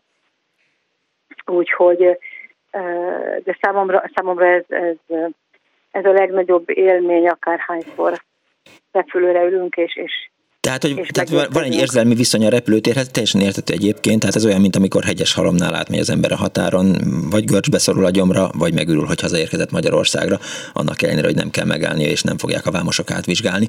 De hogy, hogy mindig pozitív élmény volt? Sosem volt kellemetlensége? Kellemetlenségem nem, csak annyit hozzátennék, hogy a különbség, a különbség az, amikor az ember autóval érkezik haza, hogy természetesen ugye a repülőből mi látjuk az országunkat. És ez egy teljesen más élmény, amikor föntről már tudjuk, hogy, hogy hazánk fölött repülünk, és, és, és, és sohasem gondoltam azelőtt, hogy, hogy ennyire másképp fogom nézni, nézni a, a hazámat, részletesen nézem, amikor elmegyek, akkor, akkor sírva megyek, amikor hazamegyek, akkor uh-huh. örülök. Tehát a különbség ez, a élmény az inkább ez inkább csak az, hogy, hogy nem szeretek repülni. hát inkább csak a félelem érzete, hogy, hogy lesz volna repülő. Lyonnak milyen a repülőtere? Lyonnak ö, nagyon nagy repülőtér, ö, hát most ki is bővítették ráadásul. Hát a, mit, mit mondhatni, tehát a Nor, nagyon, nagyon klassz repülőtér mhm. egyébként, de nem lehet elveszni, legalábbis hát nem lehet elveszni. Nem egy olyan hatalmas, mint, mint, mint egyes Münchenben, vagy más egyes városokban. Az, az átállás az tény, hogy a más repülőtereknél nem nagyon szeretem, mert mindig rohanni kell, tehát um, erre, erre ügyelek, de tehát az, az én viszonyom a repülőtérrel, legalábbis az otthoni, otthoni a Ferihegyi repülőtérrel, az, az, az tényleg, tényleg ez az otthonérzés. De jó. Köszönöm szépen, hogy hívott. Én is köszönöm. Kész sokan, viszont hallásra. Viszont hallásra. Halló, napot kívánok! Halló, jó napot kívánok, Rajnyák István vagyok. Üdvözlöm! A mindenek előtt szeretnék megemlékezni uh, itt az olimpia kapcsán egy manifest kollégáról. Nem emlékszem az időpontra, 64-es olimpiától talán Tar László nevű kollégán gondoskodott az olimpiai csapat utazásáról a legutóbbi olimpiája még megvolt, és aztán kb. két évvel ezelőtt elhunyt. Én azt gondolom, hogy aki ennyit tett a magyar olimpiai mozgalomért, aki korábban sportolt egyébként Jékokizott, uh-huh. a magyar üzletkötés osztályán az utas fuvarozási részlegen az üzletkötéssel dolgozott, mindenképpen megemlé, megérdemli, hogy megemlítsük a nevét. Nagyon szépen köszönöm, hogy megtette és uh, aki a Malivnél dolgozott, nagyon sok élménye van. A Maliv több területén dolgoztam, állomásvezetőként külföldön, illetve, illetve árufuvarozási osztályon, ahogy említettem az utasfuvarozásban is több helyen. Két repülőgép eltérítés kapcsán voltam involválva, az egyik a Varsói volt, a másik pedig a Prágai. Hmm de mégis azért egy kicsit a korabeli viszonyokat 70-es évek vége, 80-as évek, ez inkább 79-80-ben történt. Én ilyen szolgálatvezetői handling menedzseri beosztásban dolgoztam az árufuvarozási osztályon, amikor reggel bementem dolgozni, hát hatra jártunk hétre, korábban be kellett mindig menni, a szolgált átadás és azt vettük észre, hogy a export raktárban egy ilyen, biztos, hogy neki emlékszik, ma is ugyanazok a típusú, illetve úgy néznek ki ezek az utánfutó kocsik, ami az utaspodgyász, illetve az árut viszi ki. Az egyik ilyen kocsi, az uh, ravatalszerűen föl volt díszítve, aztán kiderült, hogy meghalt egy, egy tábornok eltárs. Szovjet tábornok eltárs, és úgy döntött a szovjet nagykövetség, hogy felavatalozza Ferihegyet. Ugyanakkor a Mali akkor már jatatagság miért folyamodott, tehát szinte jatak tagok voltunk, betartottuk a, a JATA minden ajánlását, ugye a JATA az a légitárságok szövetsége, és előírásai vannak, handling ajánlásai, előírásai vannak, mind akik voltak, mind a kereskedelem, mind a kiszolgálásra vonatkozóan. Az egyik ilyen szigorú előírás volt, hogy polgári repülőtereken nem rendezünk temetést. Tehát az nagyon visszás helyzetet uh-huh. teremt, ugye a beszálló utasok alatt búcsúztató felravatalozott koporsót visznek és tesznek be a repülőgépbe. Erre kidolgozott egy szabályt, hogy ezt normálisan ezt a koporsót be kell deszkázni, és miután tudjuk, hogy hát sajnos el kell mondani, de, de, de hát még a szárazék között is van előfordul, hogy megfolyik ez a dolog, tehát metszívókkal körbe kell venni, be kell deszkázni, és egy normál áruként kerül feladásra a dolog, semmilyen feltartás nem létezhet. Értem. Mert én voltam szolgálatban. Megkértem, hogy a virágcsokrot úgy, ahogy volt egy kocsi terékre valót, elhúztuk a szemétbe, a koporsó ment az asztalos műhelybe, bedeszkáztuk, a repülőgép időben elindult Moszkva felé, de mielőtt az elindult volna, megjelentek a pizsamás. Hát gondolom, hogy jöttek a tábornokok, igen. Igen.